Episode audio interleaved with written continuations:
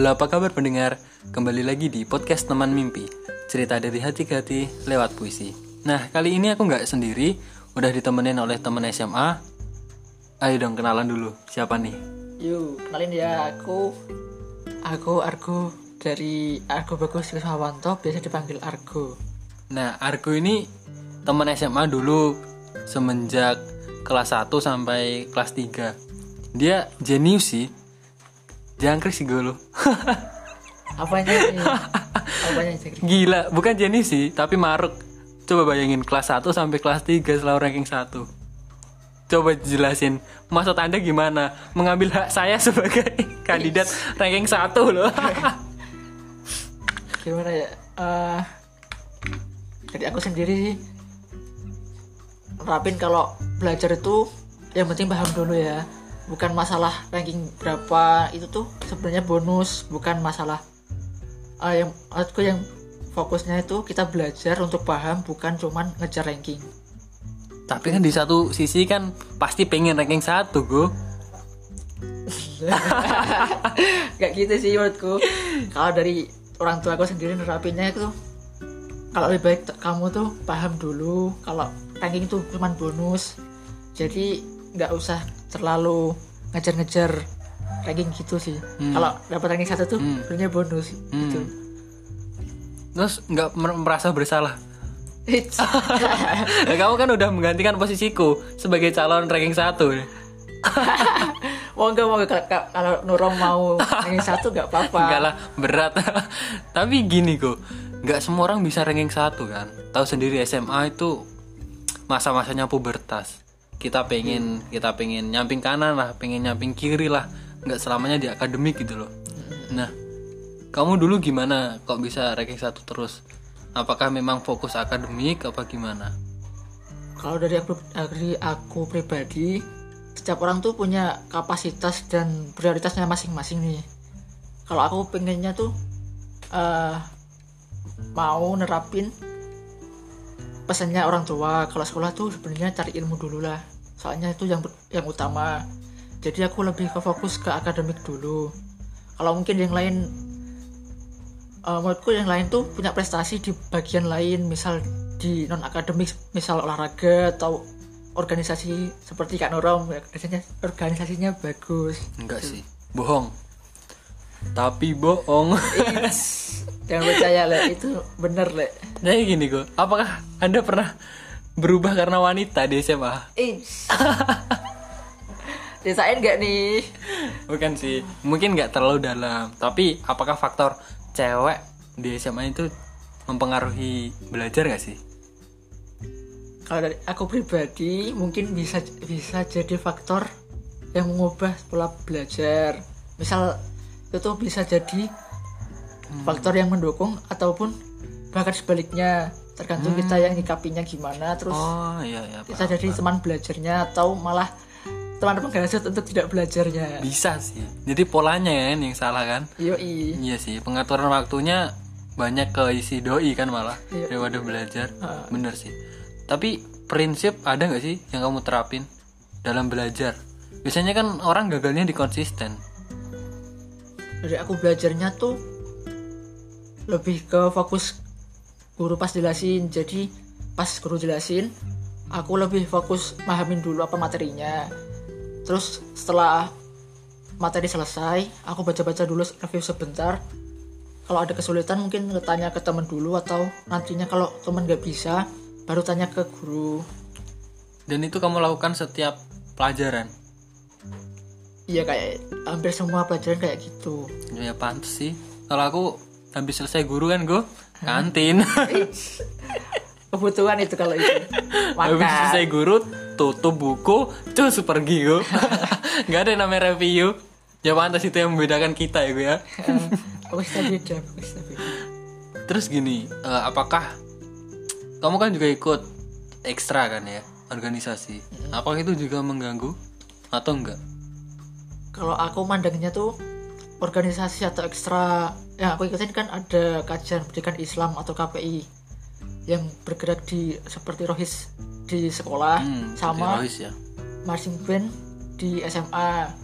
Jadi kalau menurutku tuh ekstra itu malah jadi sarana untuk kita berkreasi nggak jadi batasan untuk kita belajar Hmm. jadi selain di akademik kita harus punya skill di organisasi atau Ah, bidang lain menurutku itu malah nilai plus tersendiri bukan jabatan Oke, berarti tetap fokus pada akademik ya. Mm-mm. Ekstra atau organisasi ya hanya Tambahan untuk atau berkreasi ya, gue ya. Ada tempat kita buat berkreasi ya.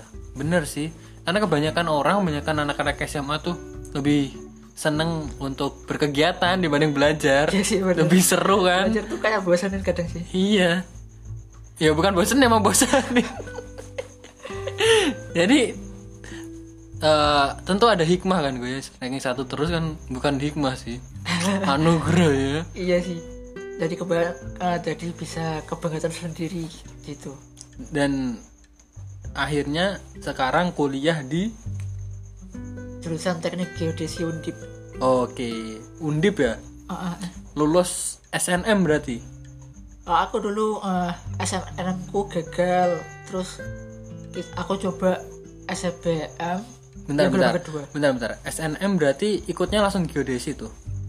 Yang pertama teknik geodesi teknik kimia undip. Lalu yang kedua tuh ge- teknik geodesi undip. Gitu. Oh oh berarti yang pertama kimia. Ah, kimia. Sama-sama nggak diterima tuh?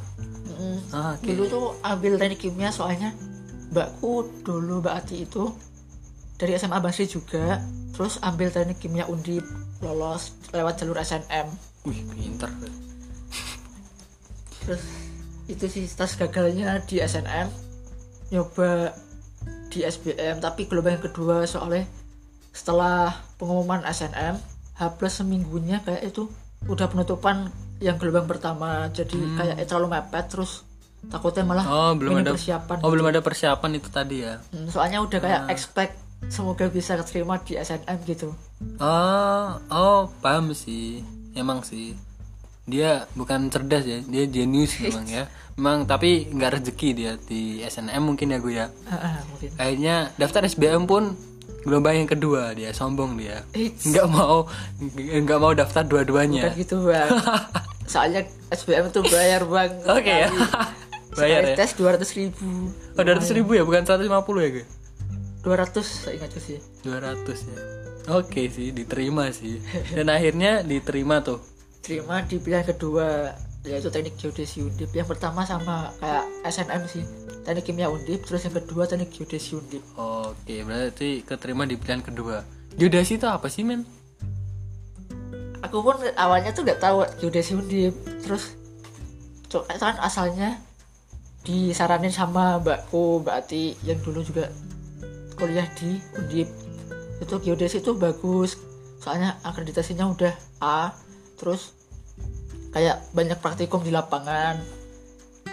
Coba deh itu kata mbakku tuh cari-cari referensi di Google kayak geodesi di Indonesia tuh ada apa aja. Terus aku cari ada geodesi ITB geomatika UGM sama geodesi ITS itu belajarnya kayak matematika terapan.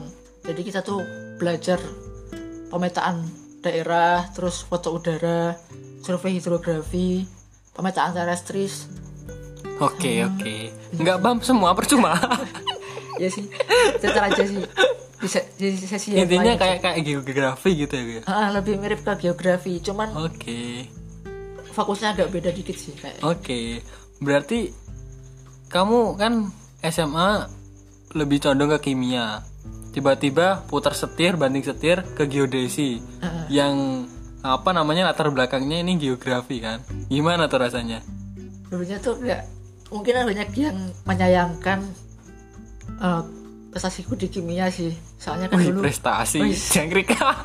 soalnya dulu pernah ikutan OSN sejak kelas 10 tuh udah diikutin sama guru mapel kimia buat nyoba OSN kimia ikut bimbingan terus ikut lomba di OSN terus kelas 10 gagal kelas 11 belum lolos kelas 12 nya tuh diikutin eh, bukan diikutin deh ikut lomba Olimpiade Kimia UNES tingkat nasional itu sampai tingkat semifinal dari 400 peserta dapat nomor 50 Gila gila gila. Dapat otak dari mana, Go? Menurutku tuh udah menurutku udah eh, bonus belajarku tersendiri gitu loh. Aku udah bisa belajar terus bisa ikut kimia lomba dan itu udah lumayan keren prestasi. keren. Iya sih. Berarti kimianya sama sekali nggak dipakai pas kuliah? Uh, geodesi nggak ah, nggak ada sama sekali kimia kimianya sama sekali. Nah kan? Terus buat apa kimia ada di pelajaran SMA coba. Ya apa sih. Menurutku ilmu tuh dipelajarin nggak harus diterapin. Tapi terus menerus sih. Kita perlu move on terus kita belajar hal yang baru. Tapi kan otak anda yang seharusnya bisa dikembangkan di hal lain terkuras di kimia yang akhirnya tidak dipakai pak. Iya kan? Hmm, sih udah gitu. tapi kan di geodesi kan juga belajar matematika serapan nah menurutku matematika aku juga gak jelek-jelek amat sih. Jadi bisa mengikutin di geodesi gitu. Oke paham sih dan akhirnya langsung terbang ke undip tuh. Ah, ah, langsung ambil. Oh iya dulu tuh kan nggak lolos SNM terus aku tuh ambil jalur PMDK Polines ambil teknik mesin D3 dan itu udah lolos SN eh PMDK di Polines teknik mesin. Terus aku setelah itu ambil yang SBM jadi setelah SNM aku ambil PMDK udah lolos di Polines tapi aku nyoba lagi di SBM Undip gitu. Maruk lagi berarti ya? Kayak gitu sih. Cuman ambil kesemp- kesempatan. Siapa tahu kan oh ada- plan B. Eh plan B plan B ya? Ya plan B itu sih. plan soalnya B. kan Mayan tuh udah dapat eh, udah pasti keterima di Polines. Kalau apa salahnya coba SBM di Undip gitu. Oke gue, cuman sebelum masuk ke bagaimana kuliahmu di Undip ya, tips and triknya SBM dulu nih. Kan ini kan eh, sebentar lagi SBM ya, yang angkatan 2021 nih teman-teman yang mungkin sedang mendengarkan ini yang sedang ingin-inginnya masuk ke PTN. Nah tips and triknya untuk SBM gimana? Mungkin pas tesnya kah? Atau pas preparationnya kah? Ya. Gimana tuh? Nah, teman-teman yang belum lolos SNM atau nggak lolos SNM ya itu kan bisa ambil di SBM atau UM nah menurutku SBM itu kan tes tertulis atau tes tes komputer kayak UNBK gitu. Aku lebih nekenin ke pola pola pikir atau logika pengerjaan soal sih. Soalnya di SBM tahunku kemarin itu lebih ke pemahaman logika. Karena dua, ada dua tipe tes psikotes sama TKD psikotes sama TKD itu sebenarnya tuh tipe soalnya mirip-mirip soalnya itu basisnya basicnya tuh logika. Jadi kita tuh nggak harus selesai hitungan sampai runtut tapi kita tuh di, dituntut untuk bisa mengerjakan soal tuh tepat waktu dan sesuai dengan logika gitu. Terus jangan lupa minta restu orang tua sama jangan terlalu terforsir belajar sih gitu Oke, berarti harus tetap enjoy ya. enjoy aja. Serius boleh, cuman jangan jangan lupa istirahat. Oke. Kayaknya menarik gue, soalnya kadang saking ambisinya, saking ambisiusnya orang, jadi terforsir, stres. ah, ah, ah, gitu sih. Oh iya. Ah, aku dapat beberapa pengalaman dari teman-temanku sih kayaknya banyak yang expect di jurusan yang bagus-bagus tapi kita tuh lupa kapasitas diri gitu loh. Kita tuh harus tahu kapasitas diri kita seberapa dan Nah, upaya itu. apa yang harus kita Nah itu upayakan benar. gitu sih. Kadang gini loh kok, eh, kita masuk dalam jurusan bukan karena keinginan kita, Mm, karena biar orang tua ya. Pilihan orang tua, terus bagaimana pandangan orang. Ah, Yang ketiga, kita ingin dipandang lebih di dalam masyarakat. Padahal kita tahu kita bukan kapasitasnya di sini. Cuman karena ingin dipandang lebih, dipandang bagus, hanya ya udahlah, ambil bismillah. Kalau rezeki diterima pasti. Kadang tuh kayak gitu. Padahal menurutku sendiri sih mending turutin kata hati dan apa namanya kapasitas diri. nah Iya gak sih? aku setuju sih sama itu soalnya kita kan yang tahu kapasitas kita, diri kita sendiri terus kita yang berupaya sendiri dan kita tuh punya kata hati sendiri gitu loh gak harus kita men- kita boleh mendengarkan pendapat orang lain tapi jangan lupa dengarkan kata hati dari diri sendiri Bener. Masalahnya ini kan kuliah yang menentukan kita kerja apa besok. Jadi kalau step satu salah, takutnya nanti ada yang namanya apa itu gue lintas jurusan. Eh, bukan. dan- Salah jurusan ya. Ah, Merasa salah jurusan dan akhirnya pindah. Di kerjaan gak nyaman. Kalau dari aku sih itu. Jangan lu kalau misal belum dapat restu dari orang tua tuh coba bicarain baik-baik dulu sama orang tua. Kalau aku pengennya ini bu jurusan ini. Soalnya aku lebih cocok ke ini dan minatku di ini. Misal di jurusan A ada matematika atau sama fisikanya. Aku kuat di matematika sama fisikanya bukan di kedokteran yang banyak belajar biologinya nah itu tuh yang tahu kan kita kita sendiri bukan orang lain gitu Iya sih paham paham. Terus lanjut, kamu hidup di lingkungan Semarang. oke Iya yang kan? baru ya Lingkungan yang baru di Undip nih, kampus salah satu kampus terbaik di Indonesia. Gimana rasanya? yang pertama aku merasa bangga banget sih soalnya bisa ketemu banyak orang baru yang pertama tuh terus aku bisa belajar hidup di perantauan. Kan dulu dari SD sampai SMA aku nggak pernah keluar dari Jepara tuh masih di SM SMP Bang Sri terus SMA Bang Sri. Nah itu langkah awalku untuk terjun di dunia perantauan di dunia yang di luar Jepara terus ketemu orang-orang baru Hmm. memanage mengelola diri sendiri di di luar sana dan sendirian gitu. Oke sih. Tapi kan ada temen tetap kan dari Jepara yang kuliah di Undip. ada sih dari SMA banget sih itu ada Julian Fajar anak IPA 1 dia tuh ambil teknik sipil undip jalur SNM terus ada temen dari IPA 3 itu Iqbal Iqbal ya. Itu teknik mesin. Itu dia teknik mesin juga dia. Keren tuh SBM dapet teknik mesin Keren ya. Mas, ya anak teknik gak ada yang gak keren bos. Iya kan? berat bro Nah ngomong-ngomong gue, kamu kan ini udah semester 3 ya, udah satu tahun lebih. Semester 3 mau keempat ya? Mm-mm. Oh, semester keempat Oke, rasanya gimana tuh? Ketemu sama cutting, lingkungan baru, di undipnya. Kan otomatis pembelajaran SMA kuliah beda kan? yang paling kerasa beda itu itu sih ada cutting yang kayak rasanya tuh beda sama kakak kelas gitu. Lebih ke mak- bukan kakak kelas, kakak saudara. Hmm, lebih ke kita tuh satu jurusan tuh kayak satu saudara sendiri. Oh satu jurusan itu gue, kayak keluarga berarti ya? jadi kita tuh kayak ada masa kaderisasi. Masa kaderisasi tuh kayak ospek gitu di jurusan. Nah kita tuh kayak diajarin buat kenal satu angkatan. Dari yang berbeda dari berbeda daerah. Terus kita harus mencoba kenal kak- kakak tingkat.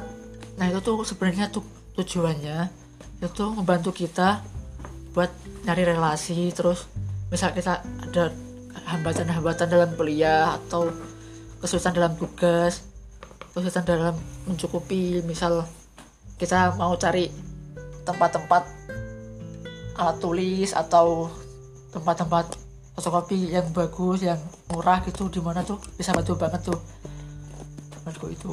Terus kita tuh aku rasanya tuh perlu adaptasi banyak di dunia kuliah karena kita tuh nggak cuman belajar cuma satu kelas tapi kita tuh bener-bener banyak jurusan dan kita tuh bertemu dari berbagai daerah berbagai berbagai macam budaya gitu. Hmm. Itu yang bener-bener menurutku pembelajaran banget sih Oke. Apakah semua kuliah biaya kuliah kalau negeri kan termasuk murah kan dibanding swasta? Berarti orang tua termasuk support dana ya gue ya? nah, dari menurutku dari kuliah negeri itu ada sistem UKT sih jadi agak membantu jadi sistem UKT itu oh, Uang kuliah tunggal Nah, kan? kuliah- uang kuliah tunggal Hmm. itu dibayarkan per semester dan tidak ada biaya tambahan selama satu semester itu. Hmm. Jadi kita eh, ngirim pemberkasan, Sampai belasan juta gak sih? enggak sih dari Puluhan mungkin. enggak sampai ya di, di- soalnya di golongan 1 sampai 7 itu maksimal di tujuh setengah juta itu untuk UKT ya Hmm, berdasarkan dari kemampuan orang tua dari gaji orang tua walaupun golongan 7 kalau gaji orang tuanya kurang sebenarnya UKT itu eh, bisa jadi bisa Oh, dapat keringanan oke. tapi biasanya tuh penentuan UKT berdasarkan dari gaji orang tua. Tapi aku dengar juga dari di Undip banyak beasiswa kan gue kan? Mm, apakah kamu juga dapat beasiswa? Anda kan cerdas pak.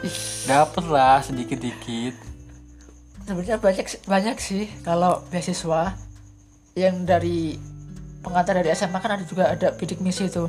Bidik misi oh berarti kamu udah target bidik misi sebelumnya enggak sih aku enggak target bidik misi soalnya ibuku PNS Ah, bisa. waduh itu sih. Terus terus? Aku belum expect ambil basic beasiswa pas semester satu oh pas semester satu tuh belum belum ada informasi bidik bukan bidik misi beasiswa. Terus aku di semester 2 tuh ada informasi dari temanku. Kayak itu sekitar habis uas semester 1 terus ada informasi kalau ada beasiswa Tanoto Foundation itu namanya teladan. Itu tuh penutupannya sekitar bulan September. Sedangkan aku tuh dapat baru dapat info hamin seminggu atau hamin dua hari gitu penutupan. Itu tuh ada tesnya tuh? sebenarnya yang ada beberapa tahapan tuh. Yang pertama itu pemberkasan dari nilai rapot. Jadi ada syaratnya itu minimal nilai rapot sekitar 8 kayak sedangkan nilai rapot anda 100 ya pak? Eh nggak gitu pak. 8 9 kayak gitu lumayan. Lumayan tapi nggak semua matkul sih. Kayaknya cuman matkul-matkul. Kayak matkul wajib kayak bahasa Indonesia terus matematika. Apalagi ya? Bahasa- Inggris oh sama beberapa peminatan peminatan di yang jurusan. yang urgent ya, yang ditentukan. Lolos. Terus seleksi tahap kedua Di tahap kedua itu sekitar bulan Oktober kayak itu tahap kedua tuh. Oh iya. Banyak teman-temanku yang gugur tuh di tahap kedua. Soalnya di tahap kedua tuh kita disuruh buat esai tiga tema. Tiga tema tuh maksimal 500 500 kata. Tema satu itu tuh pendapat kamu tentang kepemimpinan. Yang kedua tuh nilai apa yang kamu inginkan mengacu pada SDGs atau Sustainable Development Goals. Itu tuh kayak nilai-nilai yang ingin itu diwujudkan Indonesia di tahun 2045 misal pendidikan atau ekonomi atau kesehatan atau lingkungan gitu. Ah. yang ketiga itu 500 kata tentang pengenalan diri kamu dalam bahasa Inggris. Uh. jadi kita pengenalan bahasa Inggris. Ya itu doang sih. Terus ya banyak yang terkendala sama surat rekomendasi. Jadi dari Tanoto Foundation itu menghendaki kalau ada surat rekomendasi sudah ada template-nya. Tinggal ngajuin ke dosen atau sama tokoh masyarakat. Jadi kita direkomendasiin dari dosen wali sama tokoh masyarakat gitu. Tokoh masyarakat dari Semarang? Terserah kita. Jadi kita mau nentuin dari kalau misal nggak kenal kita bisa minta bantuan ke Pak RT atau oh gitu ya? Itu sih, ya. yang kiranya kan bisa di dikirim lewat gitu ya. email. Ah. Terus ntar scan terus kirim lagi lewat email gampang. Oke oke paham paham. Dan akhirnya lolos tuh? Eh, dari 30 temanku yang daftar di dari jurusan tinggal dua tuh yang Gila. sampai di tahap 3 tahap 3 tuh. Awalnya awalnya berapa orang awalnya? Dari jurusanku kayak eh sekitar 30-an sih terus yang sampai tahap 3 cuma dua orang aku sama Dinda. Itu halo Dinda. Semoga mendengarkan ya. Namanya tuh Dinda Sifah Canevanevi dari anak Undip Teknik Geodesi Undip 2019 oh sama geodesinya ya atau fakultas. dari Jakarta. Eh, hmm sama-sama dapat beasiswa. Belum sih itu baru tahap itu ketiga itu itu belum final itu? Ah belum. Masih Gila. tahap ketiga. Tahap ketiga tuh kita tes psikotes dari jam 8 sampai jam setengah dua siang kayak. Itu sampai aku skip dua matkul dua mata itu kuliah. berarti di ruangan khusus ya? Ah, dari serat dari anak undip itu diambil 100 peserta. Psikotes. Undip. dan kamu nggak tahu jenis soalnya gimana nggak pernah latihan psikotes? Aku cuman itu sih baca-baca macam-macam tes psikotes di Google terus sama kayak ewartak tes di YouTube. Itu doang hamin satu hari sih lihat YouTube Nah kan aku bilang apa? Anak ini cerdas. Eh, jenius. Terus terus gimana gue? terus aku udah kelar nah itu waktunya tuh jam 8 sampai setengah dua siang tuh aku skip dua mata kuliah itu tuh dosennya tuh killer padahal tiap tuh tiap mata kuliah pasti dikasih tugas gitu terus aku izin pas habis izin ternyata aku dikasih tugas pengganti Dikasih harus dikumpulin satu minggu setelah mata kuliah. Itu sih menurutku agak hambatan. Terus udah ada pengumuman nih lolos tahap 3 ternyata aku doang nih yang dari geodesi lolos tahap keempat. Terus tahap keempat itu wawancara sama tes kelompok. Itu sih menurutku yang paling berat. Soalnya aku kan jarang Bentar bentar. Berarti dari Undip, Undip keseluruhan nih ada 100 orang. keterima 100 orang ke tahap 4 enggak yang 100 orang tuh udah dari tahap ketiga psikotes terus diambil 33 peserta. Untuk masuk ke tahap 4 Heeh. langsung interview tuh wawancara. Interview sama tes kelompok. Tes kelompok. Jadi dibagi dua hari. Yang interview hari Jumat, terus tes kelompoknya hari Sabtu. oke. Gimana interview? Sama siapa aja tuh yang interview Aku kan dulu pas interviewnya tuh nggak tahu di mananya. Terus aku searching searching tempatnya, udah ketemu. Terus diwawancari sama Mas Robinson. Ternyata tuh Mas Robinson itu staf khusus presiden Jakarta. Dia dulu S2 di Columbia University Amerika Serikat. So, gila. Coba terus terus terus. nggak expect sampai segitunya sih. ditanya apa aja? Eh, lupa ya? banyak dasar dasar sih. Kayak kenalan dulu nih aku siapa misal na- perkenalkan nama aku aku terus bla bla bla bla jurusan apa. Terus wawancara tuh enjoy banget sih. Kayak udah enjoy tapi Sama. menjebak ya. Kalau salah kata coret gitu ya. Kayak sih kayak kayak baik sih itu tuh tanyain yang kamu ketahui tentang Tanoto tuh apa aja terus oke. eh, isu-isu terhangat yang ada di Indonesia tuh apa aja gitu. Oke. Berarti kamu pada waktu itu ya tahu isu-isu terhangat ya? Kalau aku dulu tuh ingatnya tuh isu terhangat di Indonesia tuh yang impor benih lobster itu. Soalnya kan menimbulkan pro kontra tuh. Banyak yang nggak setuju soal pe- ekspor benih lobster, Benih lobster, soalnya kan ya. kita bisa budayakan sendiri kenapa harus ekspor yang benihnya gitu? Iya, walaupun ada penjelasan yang lebih sih sebenarnya Uh, sih. tapi menurutku itu tuh udah kelihatan banget kalau sebenarnya tuh jangan gitu. Aku jelasin, jelasin itu ke kak Robinson.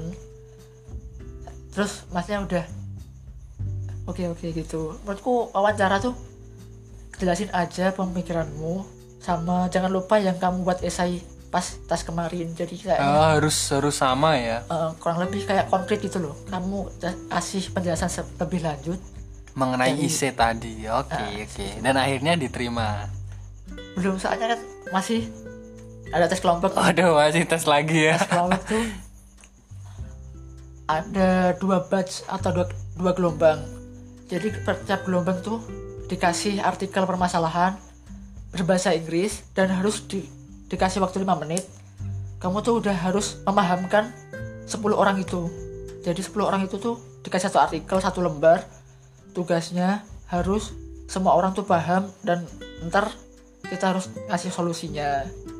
Itu kebetulan dulu, dulu tuh masalahnya tuh tentang kesehatan anak gitu ya. terus ada solusinya itu kita jawabnya pakai bahasa Inggris jawabnya boleh bahasa Inggris boleh bahasa Indonesia sih. Nah itu terus ada ada sesi yang kita harus buat solusinya tuh berupa prototipe dari kelompok itu. Kita kayak itu kita diuji untuk berargumen secara logis tanpa harus memonopoli gitu sih. Soalnya aku lihat-lihat dari yang tasku kemarin itu tuh ada yang beropini terus tapi kayak malah gak lolos gitu tapi ada yang malah beropini satu dua tapi malah lebih logis malah lolos Iya sih, karena argumen yang kuat itu didukung fakta dan data sebenarnya, bukan hanya opini. Heeh. Dan setelah bikin prototype, dijelasin berarti ya. Hmm, kita presentasi Ah. kelompok kita tuh mau buat apa terus manfaatnya tuh apa aja sih itu untuk masalah yang mau dipecahkan Oke. gitu Jadi per kelompok itu semuanya nggak lolos.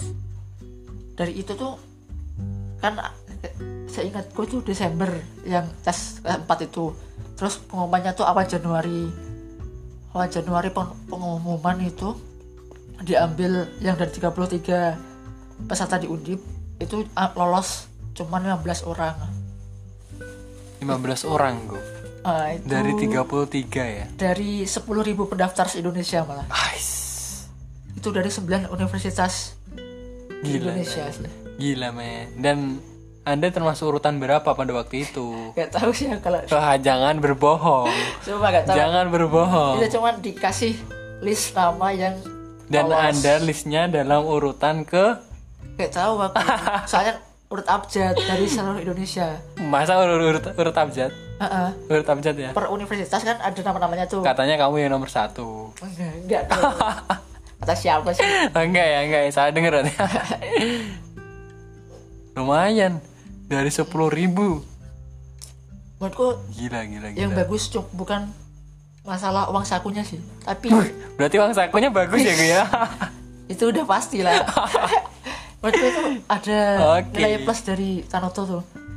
Tanoto tuh malah berupa filantropi bukan CSR, jadi bukan ad- tidak ada keterikatan perusahaan sama Oh, yang kamu tuh nggak ada keterikatan?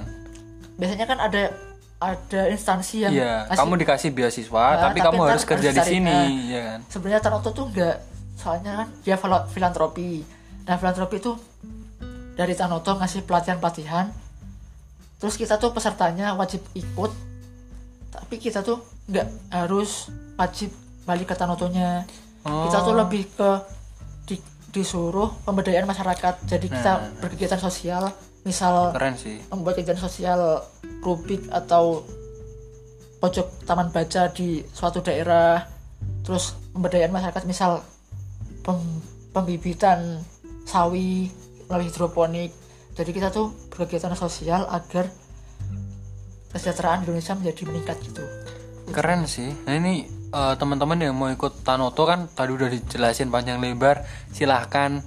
Itu untuk negeri berarti aku ya. sembilan universitas negeri sih kayak eh, seingatku yang 9 Sumatera- universitas negeri dan 0 universitas swasta ya. Iya kayak soalnya itu itu kan ada USU, kita Sumatera Utara, UNRI Riau, Oh berarti yang kayak kerjasama kan? ah, yang kerjasama. mitra. Nah, siapa tahu kampus teman-teman nanti atau yang sekarang udah kuliah di sana ada beasiswa Tanoto silakan dicek Ah, dan bisa kepoin di itu sih. semangat semangat Google Tahu eh, sendiri Tanoto Education atau sih. Tanoto gimana. Mantep sih ada uang saku bulanan terus ada pelatihannya gitu. Itu menurutku- Pelatihannya naik pesawat. Hish, bisa main ke universitas lain. Kemarin Ya. di ITB sih. Ya, Anda nggak usah pamer, Anda nggak usah pamer di sini, oke? Ini branding mas. Oke, go. Tapi setelah kamu masuk Undip, dapat beasiswa, rencana ke depan ngapain? Mau bikin rakit PC? Wih, Enggak ya? Mau fokus ke kuliah dulu sih ya. Fokus Ya kuliah. kan, ya kan. Oh, mungkin menjaga beasiswa ya. Soalnya kan kayak ada minimal IPK sih 3,25 kayak Tapi ini kayak perjanjian yang menguntungkan gak sih? iya dong. Emang berat sih perjalanannya. Tapi kan Anda bisa kualitas atau kemungkinan kumlot kan lebih tinggi. Ya sih ada motivasi tersendiri. Jangkrik ya. Setelah fokus kuliah, masa kuliah mulu?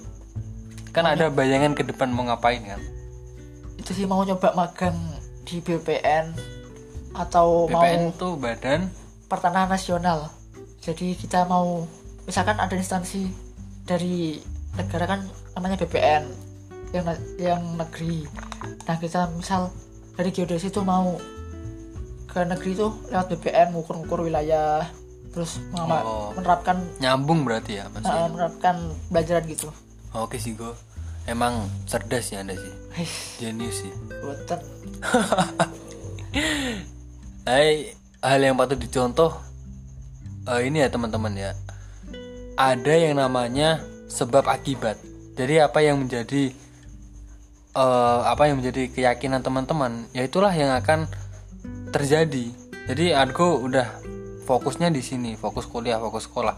Ya maka yang menjadi hasilnya ya adalah kebagusan hasil di sekolah dan di kuliah. Makanya prinsip dan apa konse apa namanya gitu konsistensi penting Istiqomah.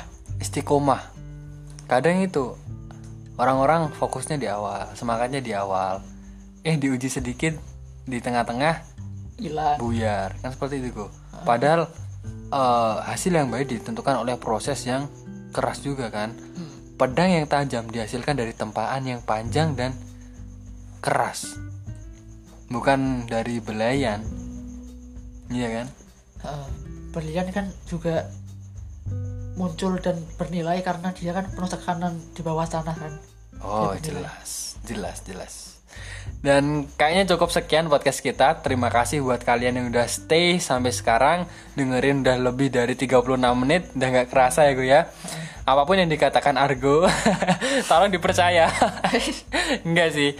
Pokoknya podcast podcast ini cerita kehidupan bagaimana Argo mendapatkan beasiswa kuliah di universitas negeri di teknik geodesi yang sebelumnya jurusan yang belum diketahui tapi akhirnya bisa jatuh cinta sekarang.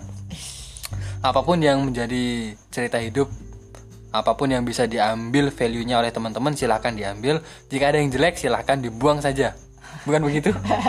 Bener sekali. tapi percaya bahwa proses tidak akan pernah mengkhianati hasil.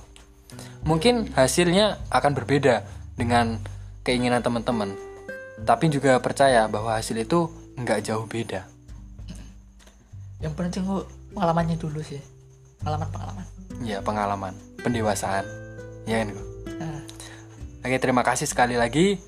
Sampai jumpa di episode berikutnya dan see you next time.